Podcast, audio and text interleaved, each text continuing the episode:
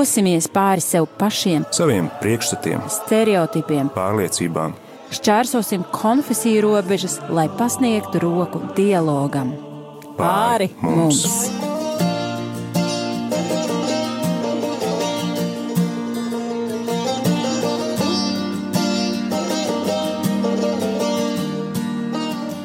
God, your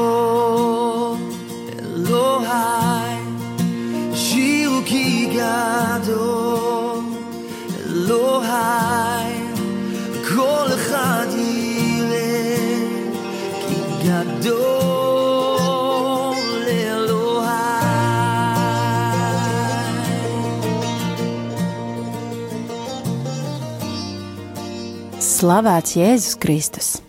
Dargie rādījumi arī Latvijas klausītāji, ar jums kopā Gunta Ziemele un raidījums pāri mums.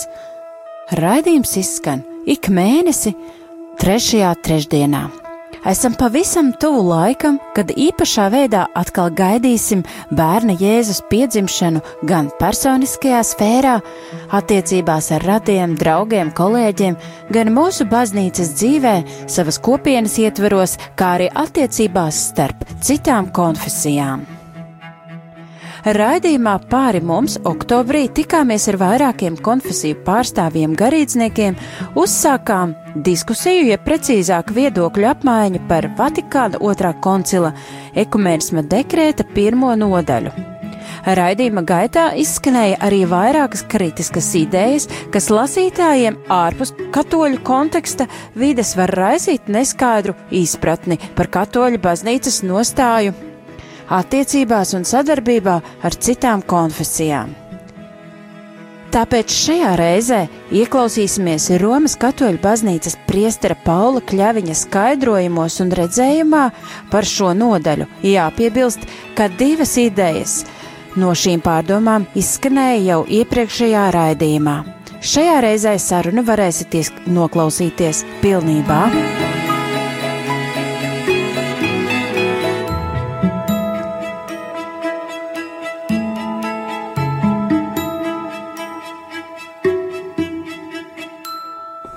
Ar mums eh, šajā reizē kopā ir priesteris Pauls no eh, Rīgas Svētā Jā Jākaba katedrāles administrators.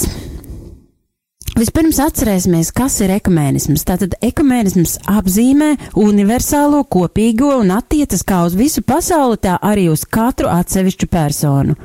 Ekumēniskais dialogs ir vienotības izlīkšanas un atjaunotnes aicinājums. Pāvests Francisks par ekumēnismu ir teicis, tas ir garīgs process, kas īstenojas paļāvīgā, paļāvīgā paklausībā debesu tēvam, Kristus gribas izpildē un svētā gara vadībā.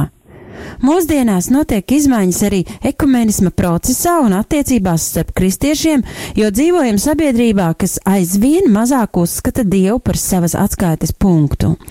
Mūsdienu kultūra attālinās no dzīvības transcendentālās dimensijas, un to varam novērot īpaši Eiropā un, es domāju, arī Latvijā. Tieši tādēļ ir nepieciešams, lai mēs, sniedzot liecību, koncentrētos uz to galveno mūsu ticībā Un tas proti, proti tas ir sludināt Dieva mīlestību, kas ir atklājusies viņa dēlā Jēzu Kristu. Un tādā veidā mēs varam pieaugt savstarpējā vienotībā un komunijā, veicinot garīgo ekumēnismu, kas izriet tieši no mīlestības baušļa, ko Jēzus atstāja saviem mācekļiem. Vatikāna otrā koncila sekretariāts pāvesta Jāņa 23. vadībā tika sagatavojis ekumēnisma dokumentu, un viens no sekretariāta uzdevumiem koncilā bija veicināt vairāk nekā simts ekumēnisko novērotāju, starp kuriem bija arī tolaik divi novērotāji no pasaules baznīcu padomes, kuru ietekme bija nozīmīga Vatikāna otrā koncila izveidē, un tas palīdzēja virzīt ekumēniskus dialogus un veidot struktūrētas attiecības attiecības ar pasaules baznīcu padomi, kur strādā arī šobrīd katoļu pārstāvi, taču pat tur katoļu baznīca tur oficiāli pārstāvēta nav. Jāsaka, ka Vatikāna otrā koncilas sniegums bija daudzu gadu, sasniegums bija daudzu gadu lēns, tajā pašā laikā pastāvīgs katoļu baznīcas ceļojums pretim kristiešu vienotībai. Vatikāna koncila sadaļa dekrēts par ekumēnismu, jeb unitātis red integrācijo dokumenta saturs apliecina, ka vienotība starp kristiešiem ir katoļu baznīcas prioritāšu sarakstā un ka tas ir viens no nozīmīgākajiem risināmajiem jautājumiem. Un eh, jāsaka, ka katolicismā ekumenisma pirmie iedo, iedīgļi neoficiāli ir meklējumi jau 19. gadsimta beigās, Ja tas ir noticis ātrāk, tad noteikti priesteris Pauls, uh, uh, Pauls koriģēs un, un, un, un papildinās. Bet no 1831. gada, kad biskaps Džeremija Bonamelli no Kremonas bija uzrakstījis vēstuli un sāka veidot neoficiālus kontaktus ar ekumenisko kustību. Modernās ekumeniskās kustības aizsākumi tiek datēti kopš pasaules misionāru konferences Edinburgā 1910. gadā. Šajā konferencē tika pārspriests pirmais neoficiālais vēstījums ekumēnisma jautājumā Edinburgā starp katoļu baznīcas pārstāvi bīskapu Bonu Melli un agrīno ekumēnisko kustību. Un tātad Vatikāna otrais koncils ir iezīmējis svarīgu nopietnu katoļu baznīcas un modernā ekumēnisma saistību.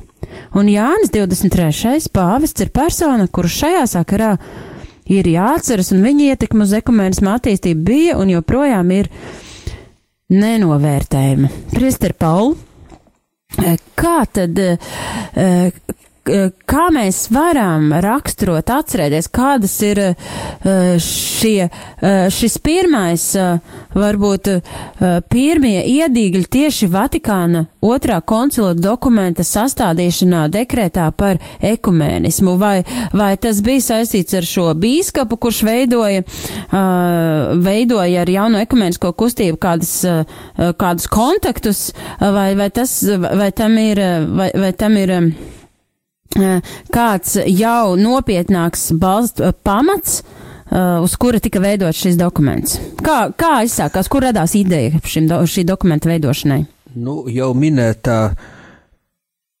Kristiešu vienotības sekretariāta darbībā pirms koncila jau bija sagatavots e, sākotnējais dokuments par kristiešu vienotību.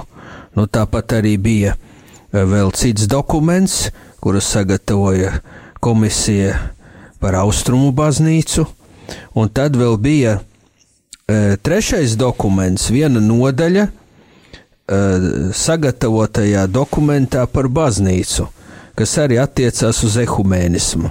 Tā kā mēs varam runāt, ka pašā sākumā, e, pirmās sesijas laikā koncilā bija trīs e, dažādi dokumenti, kuri runāja par ekumēnismu.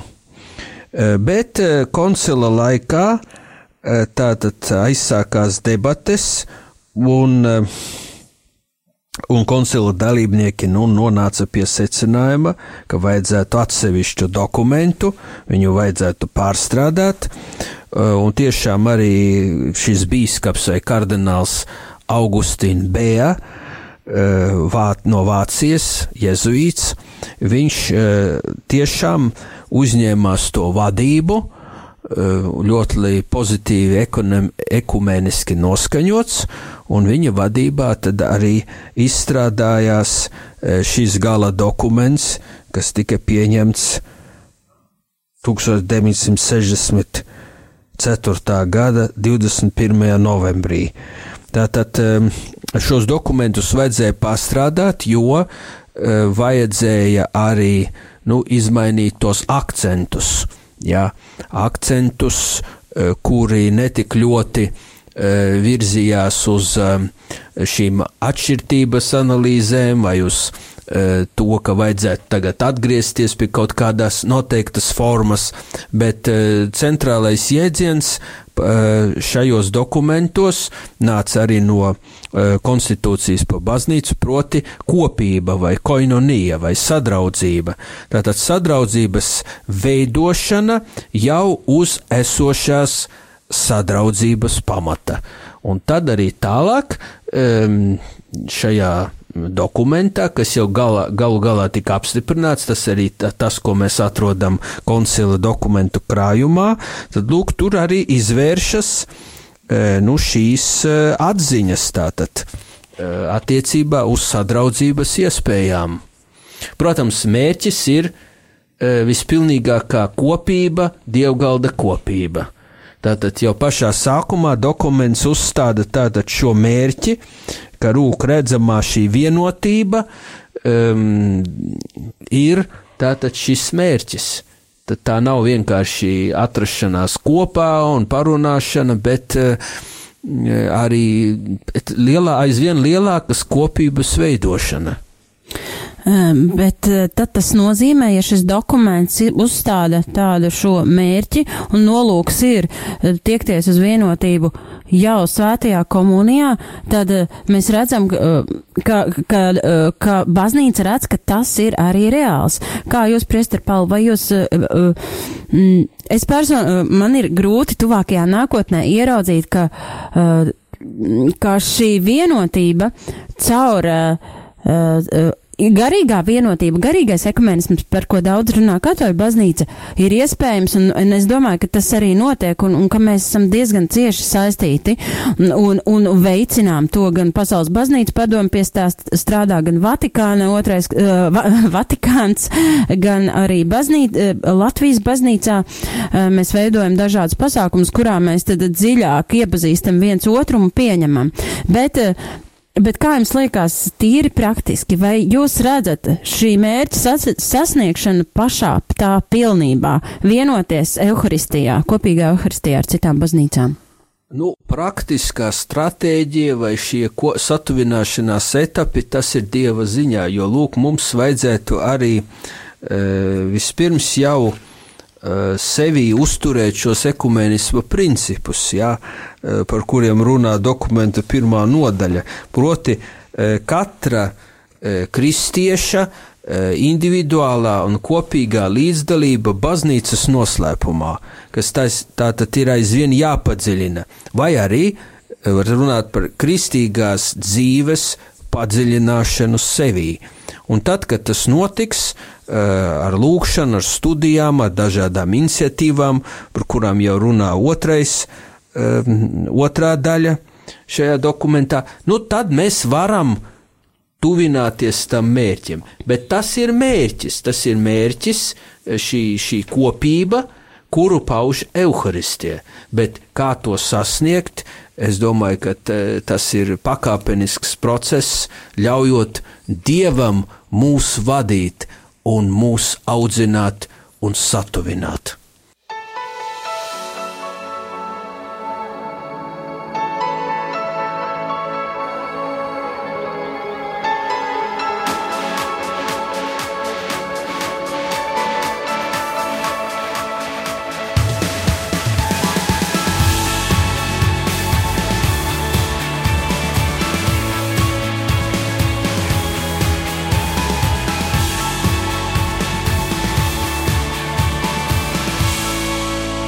Jāņa evaņģēlijas 17. nodaļa, eh, kas ir minēts arī šis fragments, lai visi būtu vienoti kā tu tās mani un es tevi, ir minēts arī Vatikāna otrā koncila ekumenisma dekrētā, kā arī eh, pāvests eh, Jānis Pāvils II ir rakstī, uzrakstījis encikliku, lai visi būtu vienoti. Tātad, pieņemot racionāli, ka šobrīd šī pilnīgā vienotība Euharistijā nav iespējama, kā, kas ir šī pilnībā, pilnīgā vienotība, kā mēs varam pilnīgi vienoties ārpus Euharistiešu? Kādi ir tie, tie elementi, kuros mēs kā baznīcas varam būt vienotas, šobrīd nesot vienotas Euharistijā? Nu jā, mēs varam būt vienoti dažādos veidos, bet tā nebūs pilnīga vienotība. Vai labāk sakot, pilnīga kopība vai koinonija. Vienošanās mums jau ir un pastāv, balstoties uz Jēzus Kristus lieldienu žēlastību, kas darbojas mūsos un kuru aktualizē Kristības sakraments. Kristības sakraments jau vieno mūs visus kristiešus. Un tā tad kristīgā dzīve, kas izriet no šī sakramenta, jau arī mūs vieno. visas tās žēlastības, visi tie um, dieva pagodināšanas un cilvēka svētdaras uh, piedāvājumi jau mums arī ir izmantojami. Tā kā tas viss mūs vieno, protams, šeit arī dokuments skaidri saka, ka ne visās konfesijās un ne, ne, ne visur, ne visās arī baznīcās šie līdzekļi ir atrodami visā pilnībā.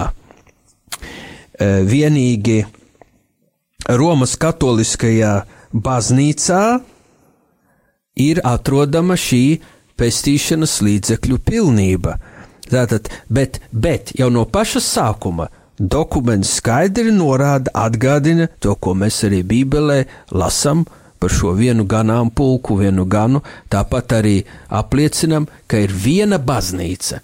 Ir viena baznīca, kurai mēs piederam dažādos veidos un dažādā, dažāda veida attiecībās. Bet tātad teikt, ka ir jau šis pamats, ir kristība, ir baznīca, ja, un mūsu ceļš tātad ir padziļināt jau šo esošo kopību līdz dievam paredzētam pilnības apmēram.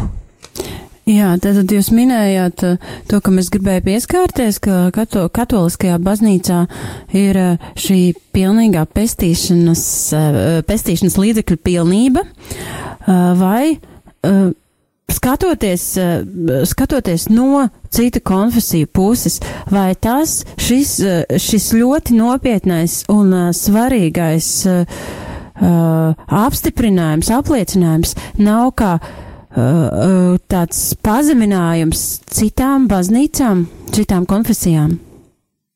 Nu, šeit tad būtu teologu uzdevums paskaidrot, kādi tad ir šie pestīšanas piedāvājumi. Nu, Parasti es e, lekcijās par sakramentiem jautāju, nu, kas ir vairāk, septiņi vai divi vai trīs? Nu, skaidrs, ka septiņi, jā. Ja? Un tā tad, jā, e, mēs, piemēram, rietumu, Romas katoliskā tradīcijā, pieturamies pie septiņiem sakramentiem, mēs tos atzīstam, mēs ticam šo sakramentu iedarbībai, tad lūk, ja citās konfesijās atzīst divus vai trīs sakramentus, nu šeit uzreiz mēs redzam starpību. Šeit mēs redzam starpību zīmju līmenī, redzamo, redzamo rituālu un piedāvājumu līmenī. Tātad, protams, te var teikt, nē, nu, es to, es to varbūt nepieņemu vai kā. Nu, skaidrs, mēs to respektētu, bet lūk, šeit parādās tā starpība. Pestīšanas līdzekļu pilnība. Ja? Tad, tad e, Tas nozīmē, ka izmantot arī, izmantojot tos līdzekļus arī daudz mazākā mērā, piemēram, sekojot Dieva vārdam, kā, kā to dedzīgi dara reformācijas tradīcija, tad lūk, arī mēs varam ļoti dziļi sasniegt šo kopību ar Dievu, bet ir vēl citi veidi. Un es domāju, ka tos ir nu, mūsu uzdevums ir noskaidrot un, un, pa, un parādīt, kā, kā tas kāds piedāvājums ir. Tas, vien, tas viss ir piedāvājums, pestīšanas līdzekļu piedāvājums. Nekādā ziņā tas nav uzspiests tā kā nu, cilvēkam e, vardarbīgai uzņemšanai. Tā ir cilvēkam iespēja sadarboties ar Dievu, E, savā, savu vajadzību. Kā mums būtu jāskatās uz savu katoļu baznīcu un uz mūsu brāļiem, protestantiem, uz pareizticīgajiem, ar kādu, ar, ar kādu morālo stāju mums būtu jāpieiet pie citām baznīcām un kā uz sevi jāraugās? Viens no principiem, kuru ievieš arī dokuments par ekumenismu, kuru mēs aplūkojam, ir baznīcas uh, pārveidošanās princips. Tas nozīmē, ka baznīca ir padota pārveidošanās procesam. Proti, um, šeit neiet runa par uh, būtiskajām struktūrām, uh, bet um, par to, kas attiecas uz cilvēku morālo dzīvi. Ja jau mēs tagad runājam par šīm kategorijām - pareizs, nepareizs, labs, slikts, Nu, šīs ir morālās kategorijas, Un uh, mums būtu jāseko uh, Dieva vārda paraugam, ka mēs sāktu morāli izvērtēt sevi un skatītos, cik mēs esam morāli pareizi. Un kādā veidā mēs izmantojam pestīšanas līdzekļus, kādus piedāvā konkrētā konfesija. Tā kā, uh, jā, varētu rasties uh, tāds kārdinājums uzskatīt nu, sevi par pareizo un citus par nepareiziem, bet es domāju, ne tādās kategorijās būtu jārunā un jādomā. Jo, lūk, ir viena baznīca, mēs tai piedaram dažādos veidos. Mēs varētu teikt, ka Romas katoliskā baznīcā mēs uh, varam vispilnīgāk izmantot šos līdzekļus, kādus Kristus ir atstājis savai baznīcai. Uh, bet citi arī izmantojot to mazumu, arī var ļoti daudz ko sasniegt, jo pestīšanas būtība jau pastāv uh, E, ticībā, kas darbojas mīlestībā. Tā ir tā attaisnojošā ticība. Un tā ir tā būtība, tas ir pats svarīgākais, un pārējais patiešām, nu, veidojas ap šo principu. Tā kā mēs uh, visi esam aicināti uz pārveidošanos Dieva žēlastībā. Un uh, tā, ar tādu attieksmi būtu jātiecas arī uz citām konfesijām, kad lūk, kristieši, katrs kristietis, nu, izmantojot to, kas ir pieejams, arī cenšas sevi pilnveidot dieva žēlastībā. Bet dieva žēlastībā, jo dievs ir tas pirmais darbības veicējs un iniciators. Uh, lasot Vatikānu otro koncilu, uh, protams, kas ir ļoti loģiski, ja to ir sastādījis katoļu baznīca, un uh, katoļu baznīca raugās, raugoties no savas puses, komentē un izsaka spriedumus un pieņēmumus, kā, kā mums veidot attiecības mm, ar citām konfesijām un, un kā pret viņām izturēties. Uh, tomēr atgriezīšos pie tā, kur mēs ne, nedaudz pieskārāmies, tad, uh, teiksim, kā mums uzlūkot. Protestanti skatās uz mums un saka, brāļi, kas no mums ir šķirti. Tātad protestanti mūs uzlūko, ka mēs esam atdalījušies. Savukārt katoļu baznīca mēs skatāmies uz, uz brāļiem, uz pareizcīgajiem, uz protestantiem, un, un arī šeit koncilā parādās šī frāze. Kā mēs viņus uzrunājam, ka viņi ir tie brāļi, kas no mums ir šķirti. Kā jūs varētu šo komentēt? Nu, es komentētu tā, ka mums vajadzētu akcentēt nevis to šķiršanos, bet ar to, ka mums ir nepilnīga e, kopība, nepilnīga sadraudzība. Nevis mans brālis un māsa, ar kuru esmu šķirts, bet brālis un māsa, ar kuru man vēl nav pilnīga sadraudzība. E, viņa jau pastāv, bet viņa nav pilnīga. Jo mēs skatām atšķirti, nu tas nozīmē, ka mēs neredzam vairs to kopību. Tā kopības ideja izzūd. Un es domāju, ka vajadzētu atturēties, runāt par šādu, nu, eh, tādu atšķiršanos. Nu, kas attālina cilvēkus, nevis satuvina, jo eh, koncila mērķis bija parādīt to, kas vieno un ceļu uz lielāku kopību. Toma minha vida, meu coração,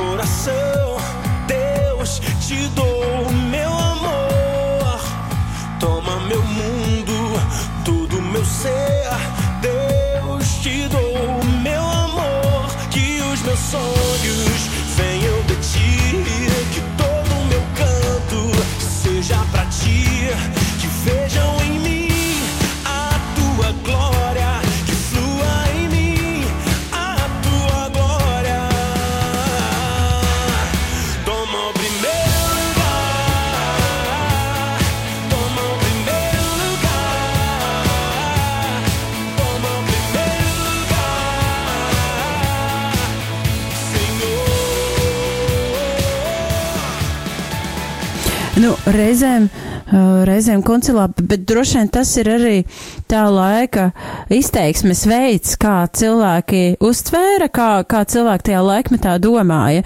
Un es, es reizēm domāju par to, ka, ja mēs šodien rakstītu šo Vatikānu otro koncilu, ka tā valoda būtu nedaudz savādāka nekā viņa bija tobrīd.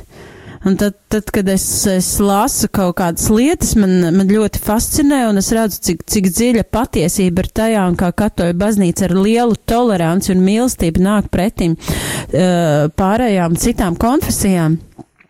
Bet uh, reizēm ir tādas frāzes, kas uh, nedaudz samulsina, kā piemēram šī te, par ko jau mēs tikko runājām, uzsverot, ka tie brāļi, kas no mums ir šķirti, uh, ka varbūt nevis mēs no viens no otra esam atdalījušies, bet, bet ka viņi no mums ir atdalījušies, ka citreiz rodas ta, nu, šī, šī te sajūta.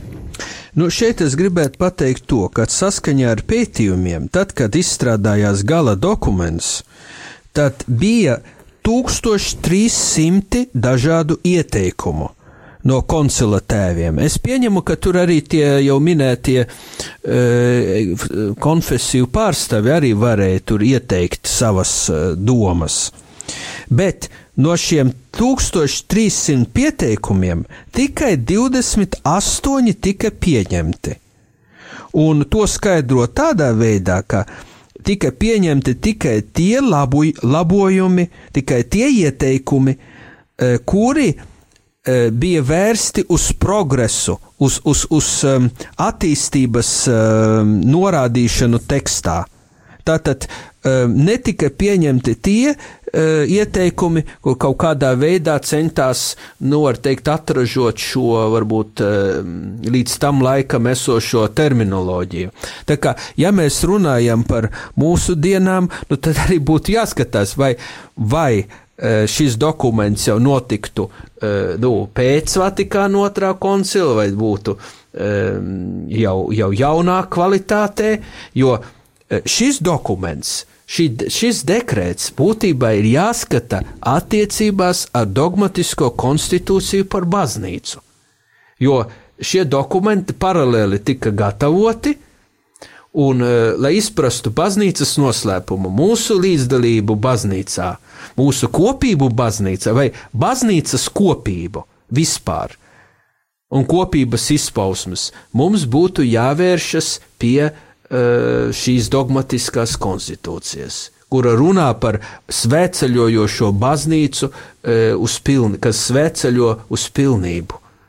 Un mēs esam tie, kuri svētceļojam, jo mēs veidojam baznīcu un mēs veidojam kopību.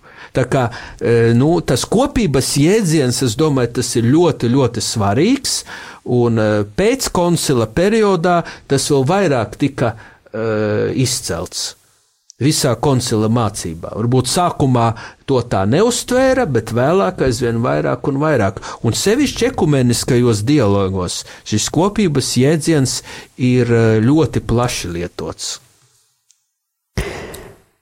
Vatikāna otrā koncila doku, dokumentā par ekumēnismu, dekrētā par ekumēnismu, mēs ļoti bieži arī uh, lasam uh, šo, šo frāzi katoliskā baznīca. Un es domāju, ka ir vērts, ka mums pašiem un, un arī priekšklausītēm nošķirt, kas ir katoļu baznīca un kas ir katoļu baznīca. Un kā Vatikāna otrais koncils, ko domā lietojot terminu katoliskā baznīca? Nu, to varētu padziļināti pētīt. Es domāju, ka katoliskas ietver gan to bagātību Kristū, kas ir neredzama, neredzamā žēlastība un, un, un kādā veidā šī žēlastība nonāk līdz mums, bet eh, vārds katoliskas ietver arī šīs redzamās struktūras ja mēs runājam par Romas katolisko uh, līmeni, ja, Romas katolisko uh, dimensiju, tad, tad ir šis arī redzamais aspekts uh, šajā katoliskumā. Tā kā nu, mums latviešu valodā diemžēl iztrūks šo, šo nu, latviešu jēdzienu, jo angļu valodā, piemēram, ir catholicity, kas ir tātad šis daudz plašākais, teikt, dievišķais noslēpums, kas raksturo baznīcu, tās būtību, un tad ir katolicisms. Un tās ir jau tās struktūras. Tā kā pastāv šīs atšķirības, jo lūk, tas redzamais izpauž vai atklāj neredzamo. Ja? Bet tas neredzamais, tā neredzamā bagātība e, Dieva žēlastībā ir daudz plašāka nekā tas, ko mēs redzam, ko mēs e, varam, e, nu, saka, noteikt vai kanoniski, kanoniski varbūt strukturēt. Tas, tas baznīcas katolisms ir daudz kas dziļāks, un tas, protams, vieno arī visus kristiešus, tāpat kā baznīcas vienotība.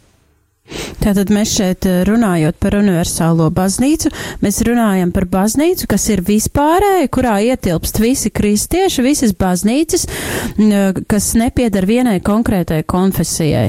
Nu, mēs runājam par vienu svētu, katolisku un apustulisku baznīcu, kuru mēs apliecinām ticības apliecībā. Ja? Un tad mēs runājam par to, kā dažādas konfesijas vai arī baznīcas, tās jau būtu vietējās baznīcas, vietējā nozīmē, e, vietējā geogrāfiskā nozīmē, ko mēs, kuras saucam par diecezēm, kā šīs baznīcas integrējas šajā vispārējā baznīcā. Tātad šīs vietējās baznīcas veido um, nu, arī kopības attiecības ar vispārējo baznīcu.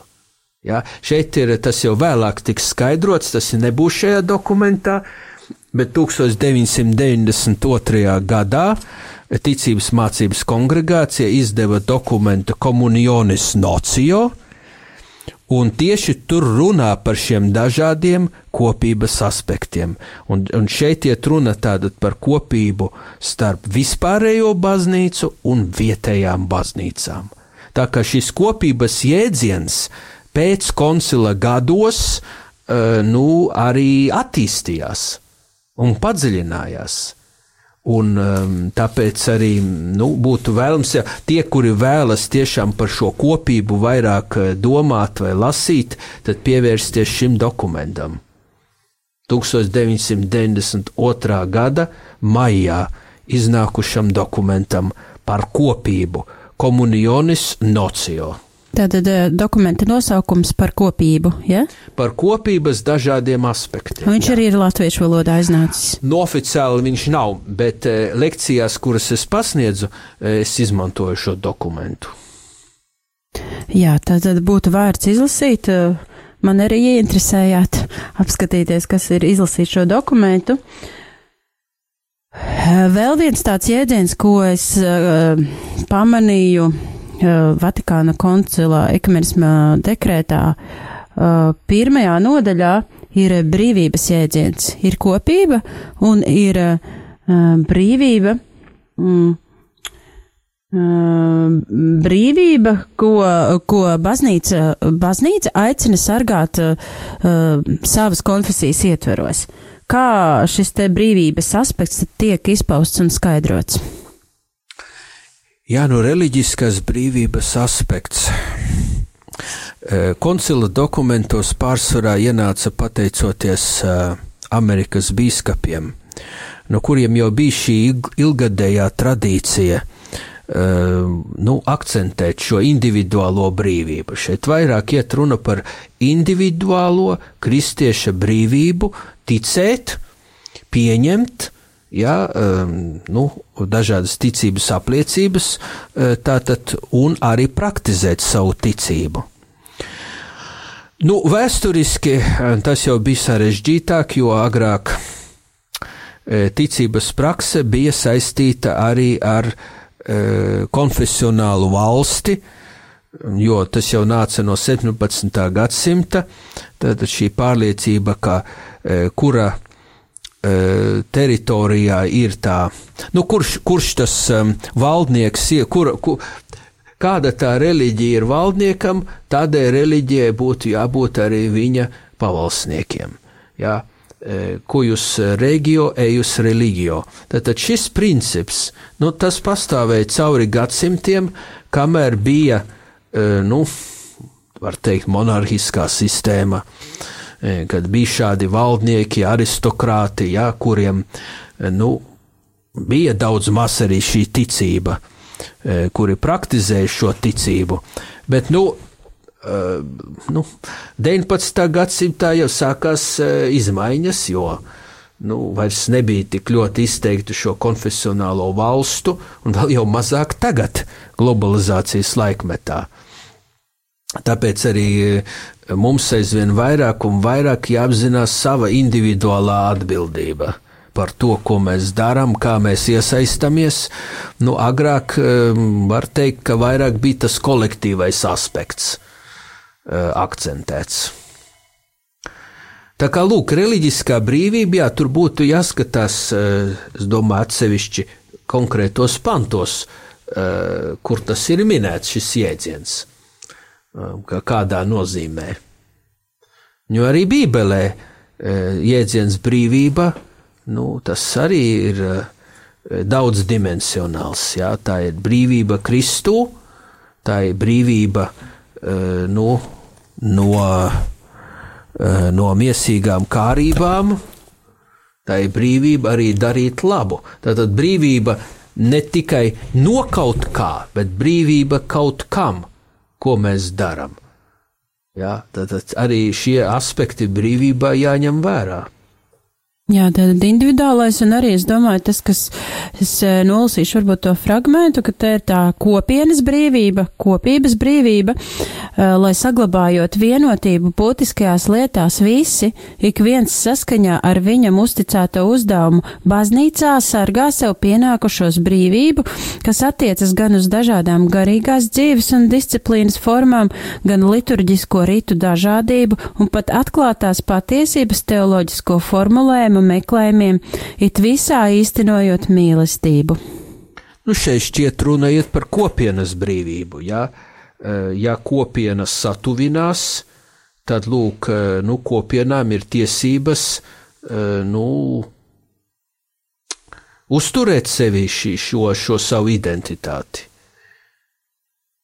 Piemēram, attiecībās ar pareizticīgo baznīcu nu, ir tagad pēdējā laikā arī patriarha Kirila un pāvesta Franciska tikšanās dokumentā nosodīts nu, tā, tas um, uniātisms, kas tieši tātad ietu pret šiem principiem. Tātad tādā nozīmē, ka lūk, notiktu kaut kāda, teiksim, saplūšana, nu, varbūt pat integrācija, Eh, bet uz kaut kādu tradīciju, uz kaut kādu ritu rēķina. Un uh, baznīca tagad uzsver inkulturācijas vārdā arī ļoti svarīgi šo uh, nu, atbilstošo plurālismu. Šeit iet runa par plurālismu vienotībā vai kopībā. Starp citu, tajā minētajā dokumentā 92. gadā arī viena nodaļa būs par plurālismu, arī attiecībā ar kopību. Vai to var vilkt paralēlis ar vienotību dažādībā, daudzveidībā? Jā, Pāvests Francisks par to runā. Tieši tā, par šo principu, jā, kas ir svētā gara radošais princips - vienotība dažādībā, nevis vienotība vienveidībā. Jā, Pāvests Francisks par to ir runājis vairāk kārt. Bet tas ir svētā gara veidots process. Jā? Mums, tas, mums ir jāatveras šim procesam, jā, jo, uh, nu, lai nav tā, ka mēs tagad sākam tur kaut ko veidot, kas, kas, kas, uh, kas varbūt ir samākslots.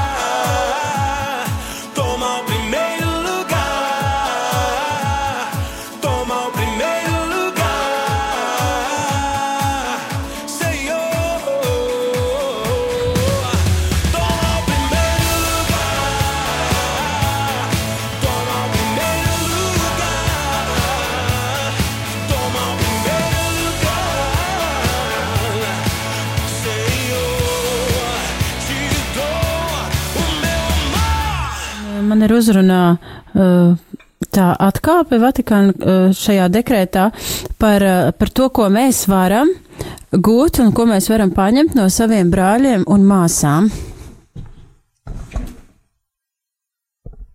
No saviem brāļiem un māsām.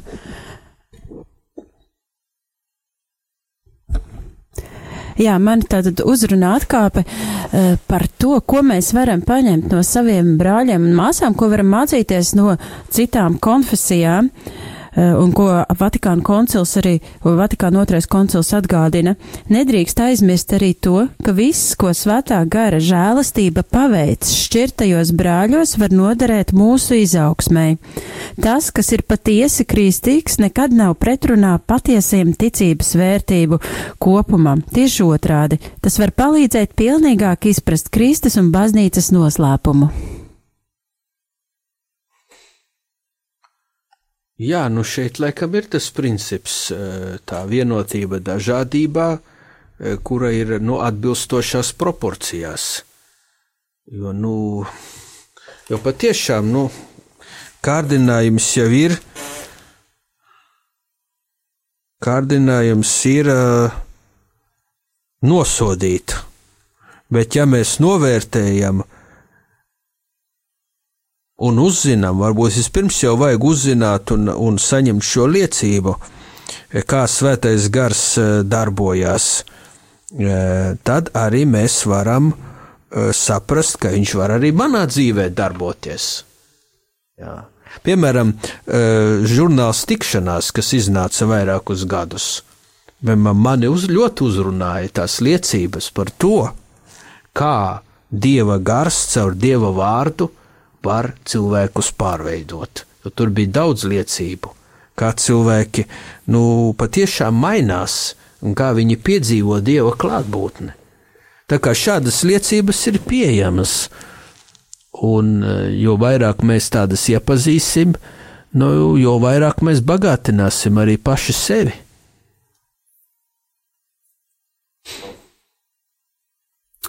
Jā, un um,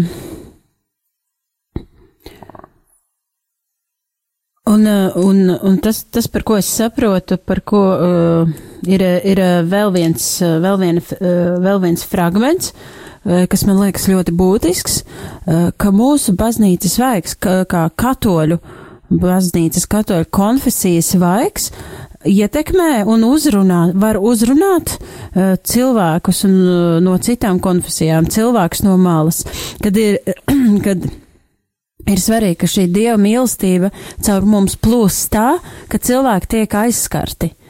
Uh, un uh, aizskarti un, un uh, viņus uzrunā tas, kā Dievs runā, tas, kā Dievs darbojās mūsu konfesijā, kā Dievs darbojās, piemēram, caur katoļiem. Kaut arī katoliskā baznīca ir saņēmusi Dieva atklāto patiesību un visus žēlastības līdzekļus, uh, Uh, tomēr tās locekļi nedzīvo viņiem atbilstošā dedzībā. Tad Vatikāna koncils uzsver, cik svarīga ir šī dedzība, lai mēs aizrautu viens otru, lai atklātu dieva skaistumu, un tādējādi baznīcas vaigs pārāk nespodri atmirdz mūsu šķirto brāļu un visas pasaules priekšā, un dieva valstības augšana aizkavējas. Tāpēc visiem katoļiem ir jātiecas pēc kristīgās pilnības, ikvienam atbilstoši savam stāvoklim jācenšas, lai baznīca savā miesā nesdama Jēzus Jēzus pazemību un nāves ciešanas dien dienā šķīstītos un atjaunotos, līdz Kristus to nostādīs sev priekšā godībā, bez traiba un bez grumbām. Jā, nu šis fragments uh, būtu jālasa kopā ar uh, nodaļu dogmatiskajā konstitūcijā par baznīcu, um, kur ir runa par vispārējo aicinājumu uz svētumu. Visi kristieši ir aicināti uz svētumu. Nu, ja mēs runājam par uh, konfesijas vaigu, nu, protams, pirmām kārtām tie ir garīdznieki ar, ar to ārējo atšķirības zīmi. Nu, diemžēl nevienmēr viņi ir atbilstošā, uh, atbilstošā morālā un garīgā līmenī. Um, Un, un tajā pat laikā var jau būt arī nu, kristieši, kuri uh, ārēji varbūt nekādi nu, neizpaužas, jā, vai neizceļas, bet viņi ļoti daudz uh, tieši šo dieva mīlestību pieņem un izplata. Tā kā tie ir tie svēto paraugi, kurus mēs uh, esam aicināti nu, arī atdarināt, imitēt savā dzīvēm. Tas tiešām ir nu, izaicinājums. Arī kā pāvests Francisks atgādina, ka mēs e, nestāvētu uz vietas un nenonāktu pašapmierinātībā. Jo, nu, ja mēs esam teikt, jā, mums ir pestīšanas līdzekļu pilnība, koncils par to runā, Tātad eh, es varu būt pašpietiekams, vai mēs esam pašpietiekami. Ja? Mums nekas vairs nav vajadzīgs, neviens mums neko nevar iemācīt, mums viss ir skaidrs. Nu, šādā veidā mēs varam nonākt nu, garīgā neauglībā, un mēs neejam uz priekšu. Tāpēc Pāvests Francis saka, ejiet uz priekšu. Un, un šī gadījumā ekumenisms tā ir kopīgā kristiešu iešana uz priekšu, uh, gan pie Kristus, gan ar Kristu, bet arī Kristu kopā satuvinoties pašiem. Bet tas ir ceļš, tas, ir, tas ir darbs ar, eh, ar sevi Dieva žēlastībā. Tas ir eh, nu, metanoja, tā ir, tā ir morālās mainīšanās uh, iespēja un uzdevums.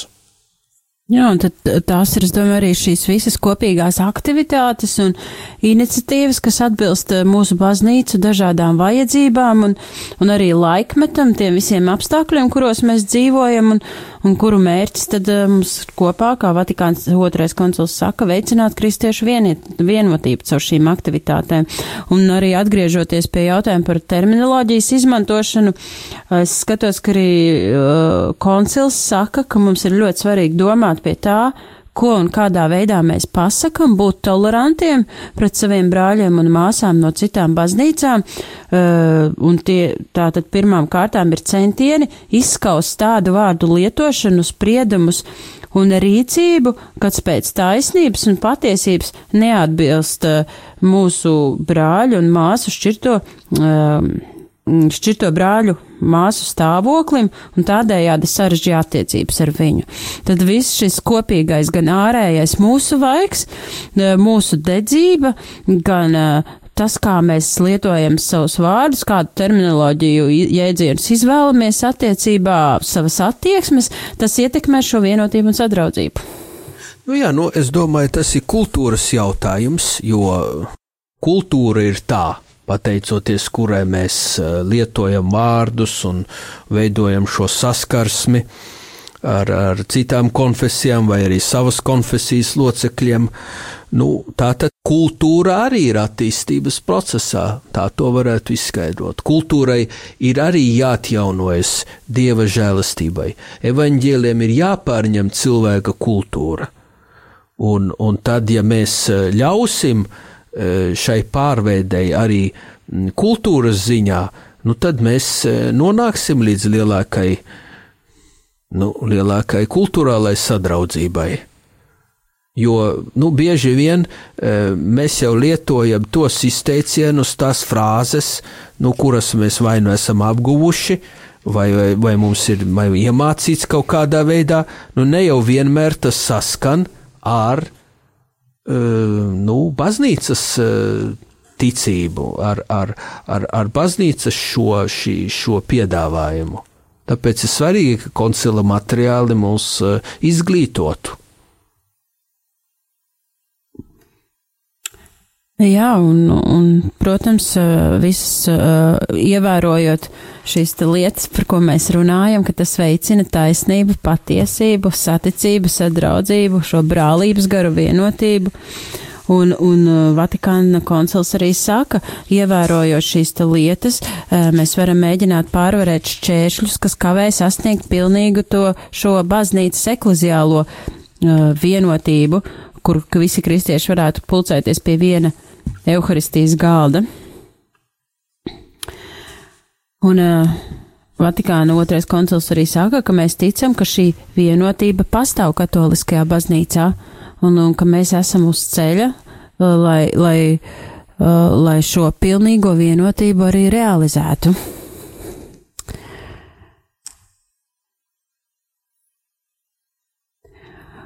Un uh, katrs no mums, lai arī kur tu klausītāji atrastos, lai kāds būtu uh, tava misija, tavs uzdevums uh, baznīcas ietveros, uh, katrs no mums mēs esam aicināti atbalstīt šo ekumēnisko virzību, iesaistīties, uh, būt līdzdalīgiem ekumēniskajā kustībā uh, un, un un veidot sadraudzību, lai mēs būtu vienoti Kristu tajā veidā, kā mēs to varam šobrīd mūsu situācijā.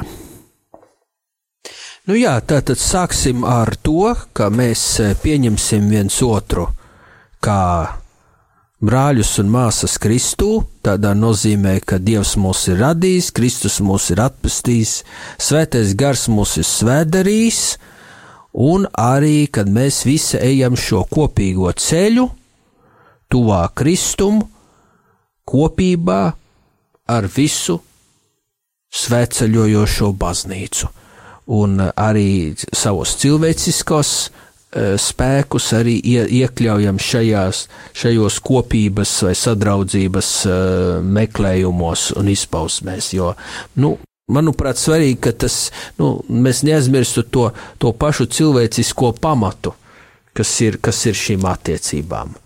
Jā, tātad, kad mēs, piemēram, ejam ar cieņu pret citiem un, un, un nekādā ziņā neizsakam e, nu, spriedumus par citām konfesijām e, uz kaut kādu tādu ļoti virspusīgu pieņēmumu pamata. Pats svarīgākais, ka mēs e, skatītos vairāk, kas mūs vieno, nevis tagad sadalītu, nu es tā un tu tā, vai nē, vai, vai man, mana draudze tā un cita tā, E, nemaz ne, nezinot, ko cita draudzene reāli e, uztver un kā tā draudzene reāli dzīvo un tic. E, tad svarīgi, ka mēs sākam ar sevi, ar savu kopienu, ar savu dzīvi, un tad mēs pamazām iekļaujamies šajā lielajā kopības procesā.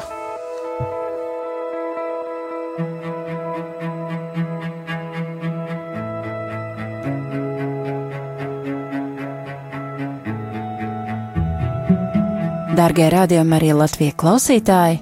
Ar jums kopā bija Gunta Ziemele. Šajā reizē mēs noklausījāmies interviju, kas tika ierakstīta kopā ar priesteri Paulu Kļaviņu. Tiksimies nākamajā raidījumā 20. decembrī 2013.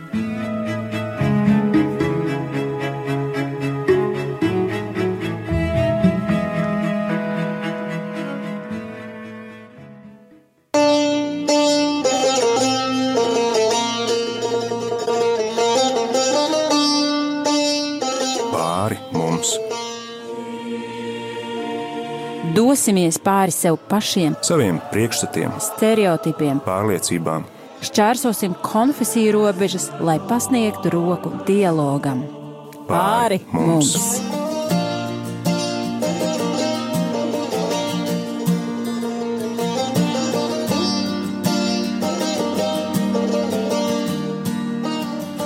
Gado